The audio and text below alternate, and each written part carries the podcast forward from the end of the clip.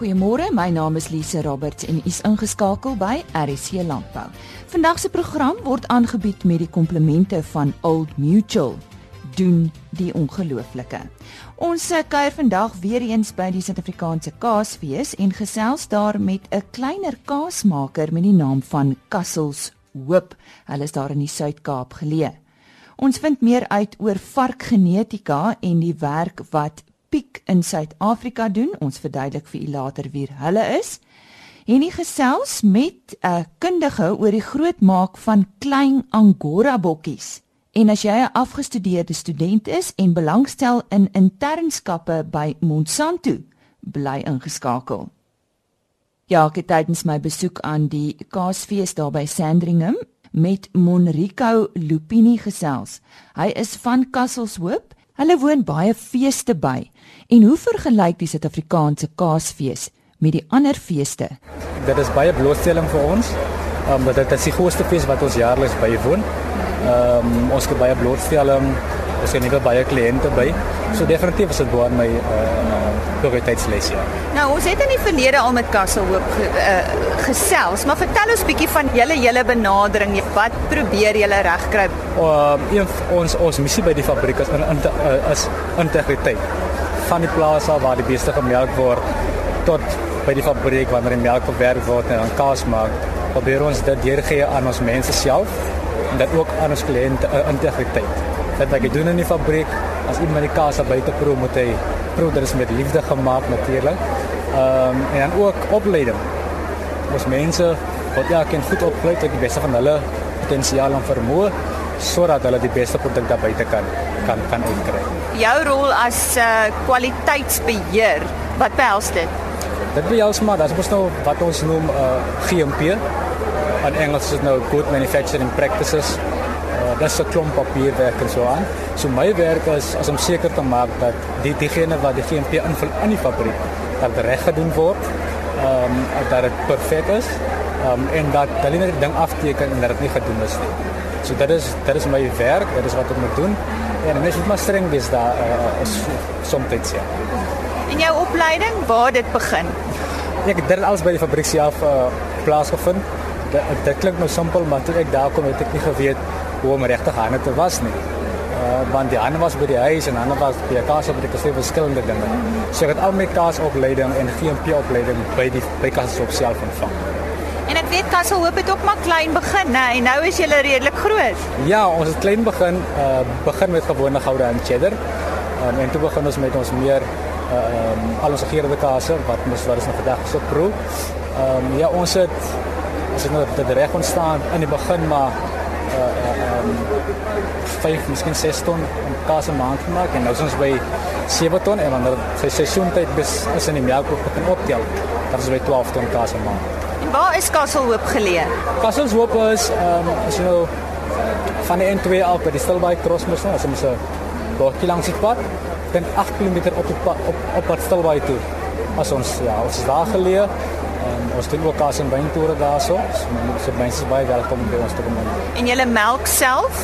Ons melk self, ons het geslote Jersey bees ehm um, kudde. Ehm um, so ons het lekker beheer oor oor oor oor die kwaliteit van ons melk. En hoeveel mense is daar wat nou byvoorbeeld saam met jou, uh, jy's maar seker maar in die fabriek, né, nee, as ek dit so kan noem. Ja, ek is in die fabriek en buite.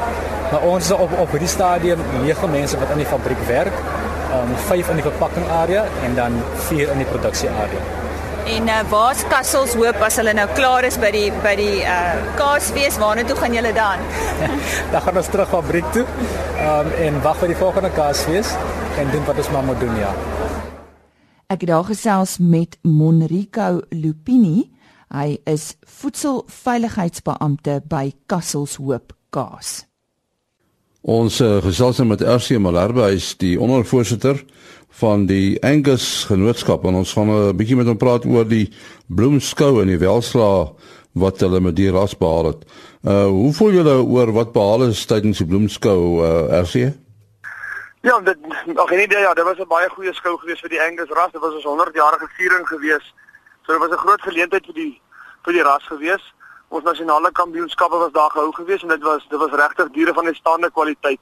So nee, dit het, dit het sommer regtig baie goed gegaan. Kan jy so ietsie oor die uitslae sê wat behaal is? Ja, dit is ja, dit is die die die persoonlike uitslag van die van die persone was gewees die die rooi diere was uh, kalf junior en senior kampioen koei was deur Rushama Angus behaal. Die kalf kampioen bil was deur Kobus Delport gewees. Die junior kampioen bil deur Andrew Masterson en dan die senior kampioen bil deur Loukie Kamfer. Dis dan nou almal ons almal die rooi diere gewees. Wat die wat die swart diere aanbetref was die kalfkampioen Billetjie en die kalfkampioen versie um vertoon deur Jannie Kotse van Moreesburg, die junior kampioen vroulike dier deur Andrew Masterson, asook die senior kampioen vroulike dier en dan die junior kampioen bil deur Fredericksburg Landgoed ook van die Kaap en dan die senior kampioen bil deur Loren Kamfer. Ja, hou jy elke jaar so 'n nasionale veiling? Ag, die nasionale skou hou ons elke 2 jaar ons ons ons skou dan die die, die ander jare dan net provinsiaal. Ag omdat dit dit, dit raak maar 'n dieroefening. So ons hou dit elke 2 jaar dan dan weet ons ons het genoeg getalle en dan is dit altyd 'n groot sukses. Nou hoe vergelyk hierdie jaar se uh, uh, skou met met die vorige jare? Ek praat nou van 2 jaar gelede. Ek dink die kwaliteit was definitief beter reg oor reg deur die bank gewees. So ek ek dink regter daar was daar was uitstaande diere gewees.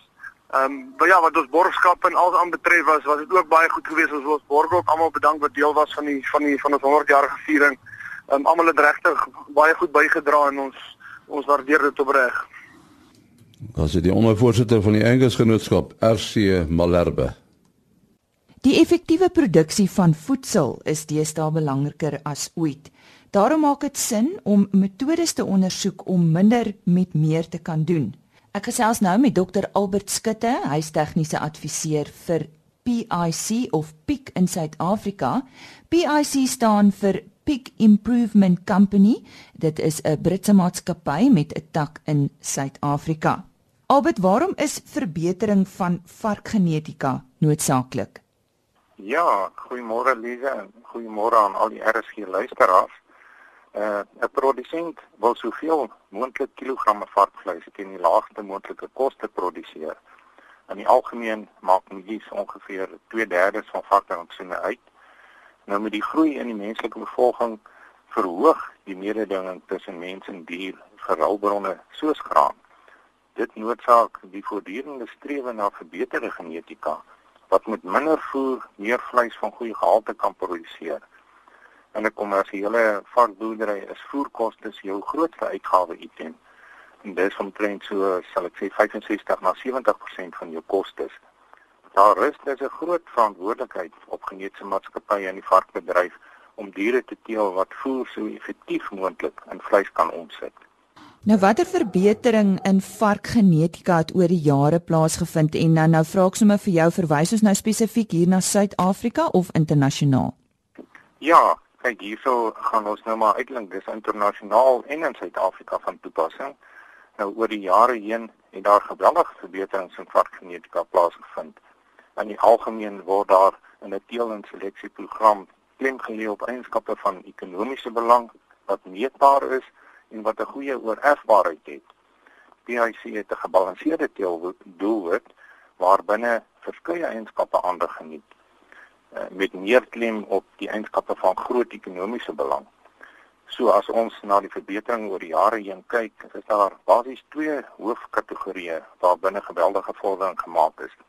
Die eerste daarvan is toe varkies gespeen per sog per jaar gemeet kan word. En die tweede kategorie is die varkies se doeltreffendheid van voerontsetting. Tydens 1962 en dit is die bestaanjaar van PIC Eh, wat dit die 'n sog om slegs 14 varkies per sog per jaar te speen. Nou in 2017 is daar boere in Suid-Afrika wat met moderne PIC genetika meer as 30 varkies per sog per jaar speen. Dis het soguitsetting meer as verdubbel in 5 en 'n half dekades. As ons kyk na voedselsettingsvermoë, het dit gehalveer. En dit is noemenswaardig want dit is die aspek op die ou end wat die grootste effek op winsgewendheid het. In die 1990s het ons byvoorbeeld gestreef na 'n kuddevoeromsetverhouding van kleiner as 4. Nou dit beteken dat vir elke 4 kg voer wat in 'n boerdery gebruik is, is daar 1 kg karkasmassa of vleis geproduseer. En tans is daar egter PIC kliënte in Suid-Afrika wat met 'n totale kudde voeromset verhouding van so min as 3 kan spog. Dit het 'n geweldige positiewe impak op die winsgewendheid al dan nie van die varkbedryf. Verduidelik die rol wat 'n PIC speel op internasionale vlak in varkproduksie. Ja, PIC is al sedert 1962 aktief in die varkbedryf en is die wêreldleier in die bevordering van varkgenetika. PIC geniet nie slegs die grootste marktaandeel wêreldwyd sowel as in Suid-Afrika nie, maar is ook op die voorfront van die ontwikkeling van genomiese tegnologie. PIC word deur die Britse gelykste maatskappy Genus besit.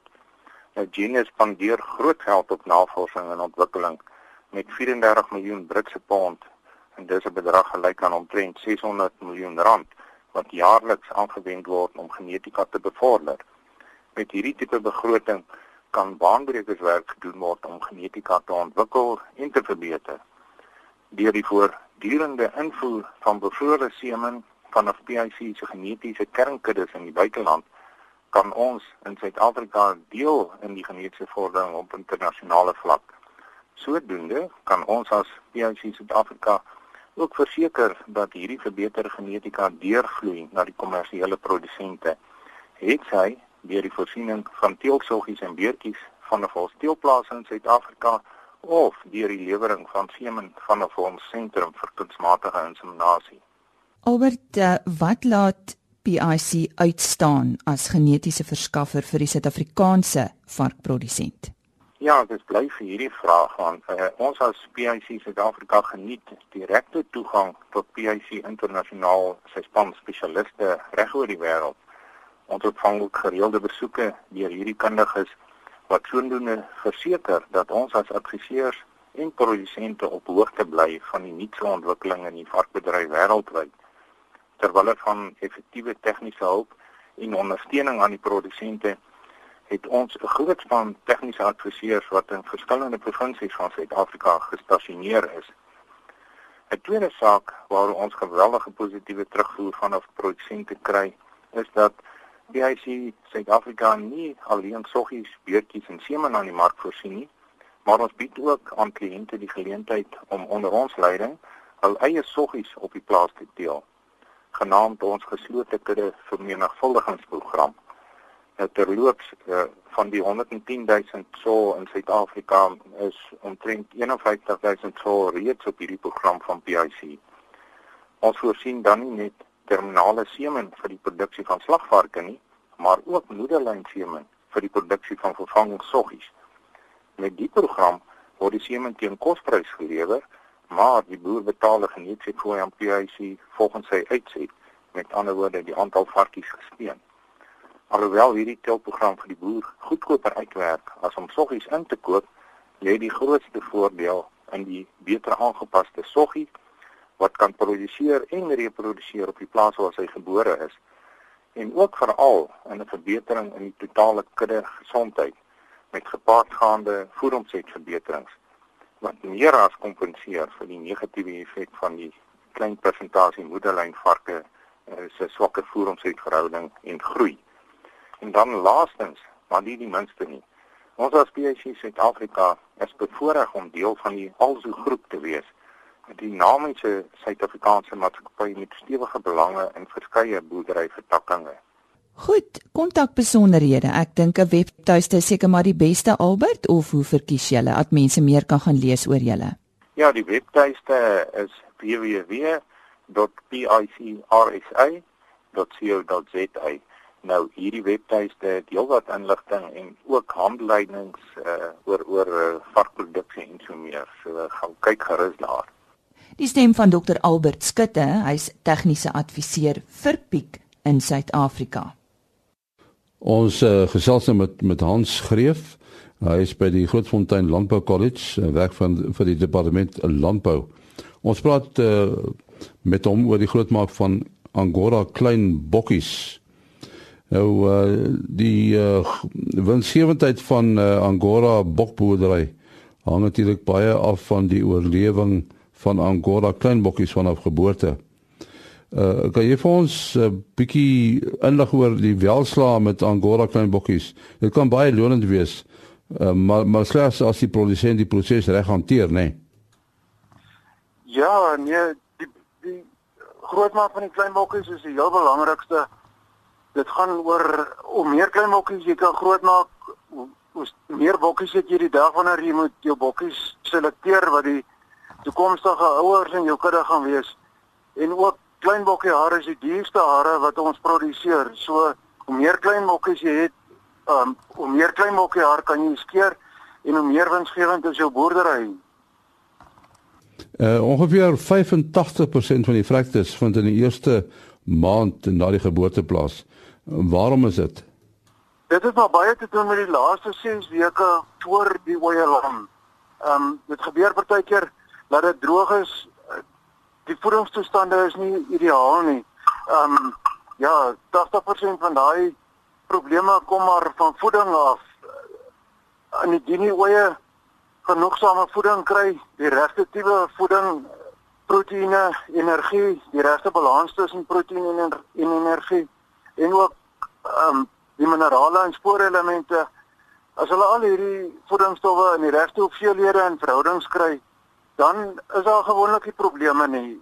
Maar soos ek sê die die probleem begin eintlik voor lamtyd. Ehm um, 6 weke voor lamtyd ontwikkel 72% van die fetus en die ooi se eier ontwikkel ook in daai tyd. En dit is waar die as die voeding nie reg is nie, dis waar die probleme inkom. Die voorbereidingsproses van die oeye voor uh, lamtyd is natuurlik baie belangrik net soos jy nou aandui. Ja, nee, dis baie belangrik. Wat daarmee saamgaan is wat ons op Grootfontein doen in daai tyd en ons die oeye ehm um, um, maak dit klostridiale instof wat bloednier, rooi darm, klem in die kaak, baarmoedersponsiek en daai tipe van siektes dek om seker te maak om die effek van die siektes uit te skakel. En ook um, ons gee vir hulle 'n uh, doseermiddel wat al die vitamiene en spoorelemente in die essensiële aminosure bevat om ook te kyk dat alles reg is wanneer die oeye lam dat daar nie een of ander tekort is nie. Soos byvoorbeeld Vitamiin A, as daar Vitamiin A tekort is, dan kry ons dat die oeye sukkel om te lam, die bokkie sit vas. Baie keer verstaan 'n boer nie hoekom sit sukkel 'n ooi om te lam nie. Ehm um, maar intussen is dit 'n Vitamiin A tekort. Die Vitamiin A hou die slijmvliese in stand wat die ehm um, geboortekanaal glad maak dat die geboorteproses kan kan maklik verloop. Uh, ja, julle skeer uh, die oeye 2 weke voor lamtyd. En wat gebeur daarna? Ja, ehm um, dit is nou nie die ideale tyd vir enige produsent om te skeer nie. Ons verkies eintlik om te skeer so sê dat die oeye 6 weke hare op het wanneer hulle lam. Maar in ons produksiestelsel werk dit so dat ons keer 2 weke voor die tyd en dan gaan die oeye na 'n groot skuur toe met klein kampies. En ons hou die oeye daarso omdat ons nou weet hulle het kort hare en hulle is op die punt om te lam en hulle lam in daai klein kampus in daai volgende 2 weke en soos hulle dan lam, dan sit ons hulle in die lamhokkies en dit help ook om ons toesig beter te maak. En, en wat is die studente se rol tydens uh, die die soort lamtyd? Ja, yes, daar verword van die studente verwag om basies die hele lamproses te hanteer. Ehm um, hulle is elke dag betrok, betrokke by die lammery. In die oggend voor hulle klas toe gaan moet hulle by die bokke draai gemaak om te kyk watter oeye deur die nag gelam. Is die oeye reg? Is die bokkies reg? Ehm um, as daar dalk bokkies is wat koud kry? Moet hulle onsien na na die die bokkies moet onder die rooi ligte kom? Of wat ook al die geval mag wees. Ehm um, sodra die studente 'n uh, vryperiode het dan moet hulle ook na die die eh, ehm uh, um, skuur toe gaan waar die oeye lam in die môre moet hulle daar wees hulle gaan tot in die aand 10 uur toe ehm um, hou hulle toesig daar by die landtyd. So hulle is die hele tyd betrokke. Ehm um, vir ons op Grootfontein gaan dit oor praktiese opleiding en laat die studente praktiese ondervinding kan opdoen. Ehm um, ons wil graag hê wanneer 'n student weggaan van Grootfontein af, dan moet hy dit by enige boer kan hanteer. En um, dis hoekom ons gee hulle soveel blootstelling aan hierdie landtyd as wat ons kan. En julle rekordhoudingsproses, hoe werk dit? sodra die oeye gelam het, dan sit ons die ooi met haar bokkies in 'n lamhokkie en die oeye met die enkelinge bly daar so 3 dae. Die tweelinge is so 5 na 7 dae en in voor ons 'n ooi uit die lamhokkie uithaal, dan ehm um, word daai bokkie 'n tag aangesit. Ehm um, nou op daai tag skryf ons die nommer van die ooi en die die pa van die bokkie en ehm um, die die nommer van die van die bokkie is gedruk ehm um, op daai oorplaatjie. So ehm um, daar gaan nie 'n bokkie uit 'n lamhokkie uit wat nie geïdentifiseer is nie. En en en betaal dit om om al hierdie moeite te doen. Ja, definitief. Op Grootfontein het ons gestoot en ehm um, ons wil graag wanneer ons 'n ram of 'n ooi aan iemand verkoop dat ons vir daai persoon presies kan sê dis die ram se pa, dis sy ma en ehm um, ons weet hoe belangrik enige dier se ma is. Ons wil graag vir daai persoon kan sê hierdie ram se ma het 5 lamkanse gehad. Sy het 8 bokkies gelam en sy het sê net maar sewe bokkies gespeen dat ons al die rekords kan gee vir mense wat wat by ons ramme koop of ooe koop en vir ons eie rekords ook wanneer ons moet besluit watter ramme gaan ons hou om self te gebruik. Ons het byvoorbeeld nou hierdie jaar 'n ram gebruik. Sy ma het in die afgelope 5 lamseisoene het sy elke jaar 'n tweeling gehad. Ehm um, hierdie ram wat ons al gebruik is ook een van 'n tweeling en ehm um, hy het ook so 13, 14 maande ouderdom met hy 90 kg geweg, hy en sy tweelingmaat. So daai tipe van rekordhouding is vir ons verskriklik belangrik um, om ons toe tot vorentoe te vat. Nou sê baie dankie aan Hans Greef daar van die Grootfontein Landbou College, hy is van die departement van landbou. Monsanto belê in die toekoms deur middel van internskappe vir afgestudeerde studente, beurse en ander blootstelling. Ek gesels ver oggend met Madeleine Du Plessis van Monsanto oor hulle projek. Madeleine is verantwoordelik vir menslike hulpbronne by Monsanto in Afrika. Sy verduidelik eers watter programme Monsanto vir jong mense het wat in landbou belangstel. Goeiemôre. So Monsanto fasiliteer drie hoofprogramme, naamlik internskappe, beurse en vakansiewerk. Waarvan ons grootste fokusareas maar op die internskappe en die beurse is op hierdie stadium is die internskappe op beurse net op 'n uh, tegniese loopbane gemik, met ander woorde slegs vir die navorsers, plantteelers en dies meer. Glad nie, Monsanto se programme is gefokus op insluitende groei. So ons wil graag kyk na alle funksies binne die landbousektor om sodoende ook dan die landboubeeld um te bevorder in in alle gemeenskappe. So buite on, ons internskappe en ons verkope en plantteelerspan het ons ook heidaglik internskappe in ons menslike hulpbronne en bemarking afdeling. Uh, ons sien ook baie uit daarna om internskappe in ons finansie en aankoopspan te fasiliteer in 2018. So ons probeer regtig 'n um, volle funksionele landbou sektor internskap bied en en nie net eksklusiewe internskappe nie. So hoe werk dit? Hoe werk hierdie programme waarna ons verwys? So basies volgens maar 'n gewone onderhoudsproses um, en gekombineer met die onderhoud en dan die kandidaat akademiese rekord um, maak ons ingesluite besluit of hulle suksesvol is of nie. Um sodra die individu dan aan boord is, kry hy of sy 'n induksieplan en is onmiddellik deel van 'n groter span. So hulle het ook spesifieke doelwitte en aktiwiteite wat hulle moet voltooi in die jaar van hulle internskap. So vir regtig 'n goeie leerprogram vir hulle om alle aspekte te verstaan van van Monsanto. En wat is julle terugvoer wat julle van hierdie jong mense afkry wat klaar deur hierdie programme was? Ons kry baie goeie terugvoer. Hulle geniet dit vreeslik. Um en ek dink dit is die feit dat die programme kombinasie is van die teoretiese en die praktiese aspekte. En wanneer hulle dan die program voltooi het, is hulle voorberei vir 'n rol binne Monsanto. So dit help die individu om die operasionele aspekte in Monsanto proses te verstaan, maar ook belangrik die impak op die gemeenskap en omgewing waarin ons werk. So so dit is vir hulle 'n lekker kultuur, dit is hulle 'n lekker leerskool uh, en hulle wil gewoonlik graag aanbly. Um en dit is my lekker as ons hulle 'n permanente geleentheid kan aanbied. Nou is daar van die jong mense wat vaste betrekkings gekry het na afloop van hulle internskappe? Definitief. Ja, dit is lekker vir my om te sê dat in 2016 was ons gelukkig om 3 internskappe permanent aan te stel as ek twee internskappe kon ons omskakel in kontrakte vir Monsanto. Um ons huidige pipeline vir 2017 lyk baie belovend. So ons sien ook baie uit om hulle deel te maak van ons maatskappy. Hoe maak uh, jong mense Madeleine wat graag aan die programme sou wou deelneem? Wat is die beste? Ek sal aanbeveel hulle hou ons webblad dop. Um dis www.monsanto.co.za en besoek ons loopbaan afdeling vir die advertering van internskappe en beurse. Die programme word gewoonlik in Oktober geadverteer sodat ons um, die proses kan afhandel en in Januarie die al die al die funksionele aktiwiteite kan begin. Um en dit geld beide vir die internskappe en die beursprogramme.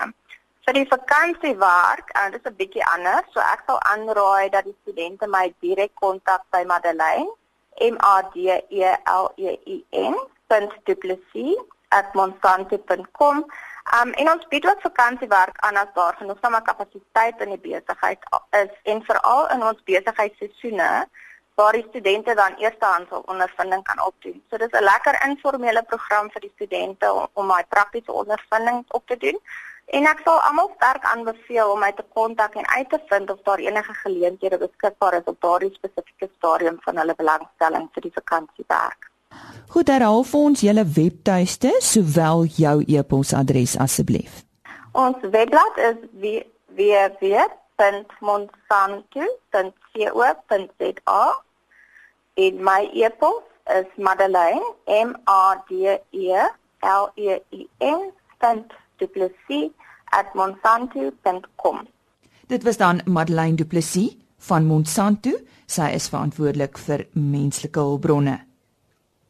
Kom kuier gerus môreoggend om 05:30 weer saam met ons. Ons het nog weer waarhede saam met Johan van der Berg. Dan het ek by die Kaasfees en dis ook ons laaste bydra vanaf die Kaasfees. Ek het daar met Aurita Venter gesels oor alternatiewe produkte wat daar aangebied word en ons fokus hier op onder meer granate en vye. En Henny praat met professor H. Oudewaal oor die predasie bestuursinligtingseentrum. RC Landbou is vandag aangebied met die komplemente van Old Mutual doen die ongelooflike.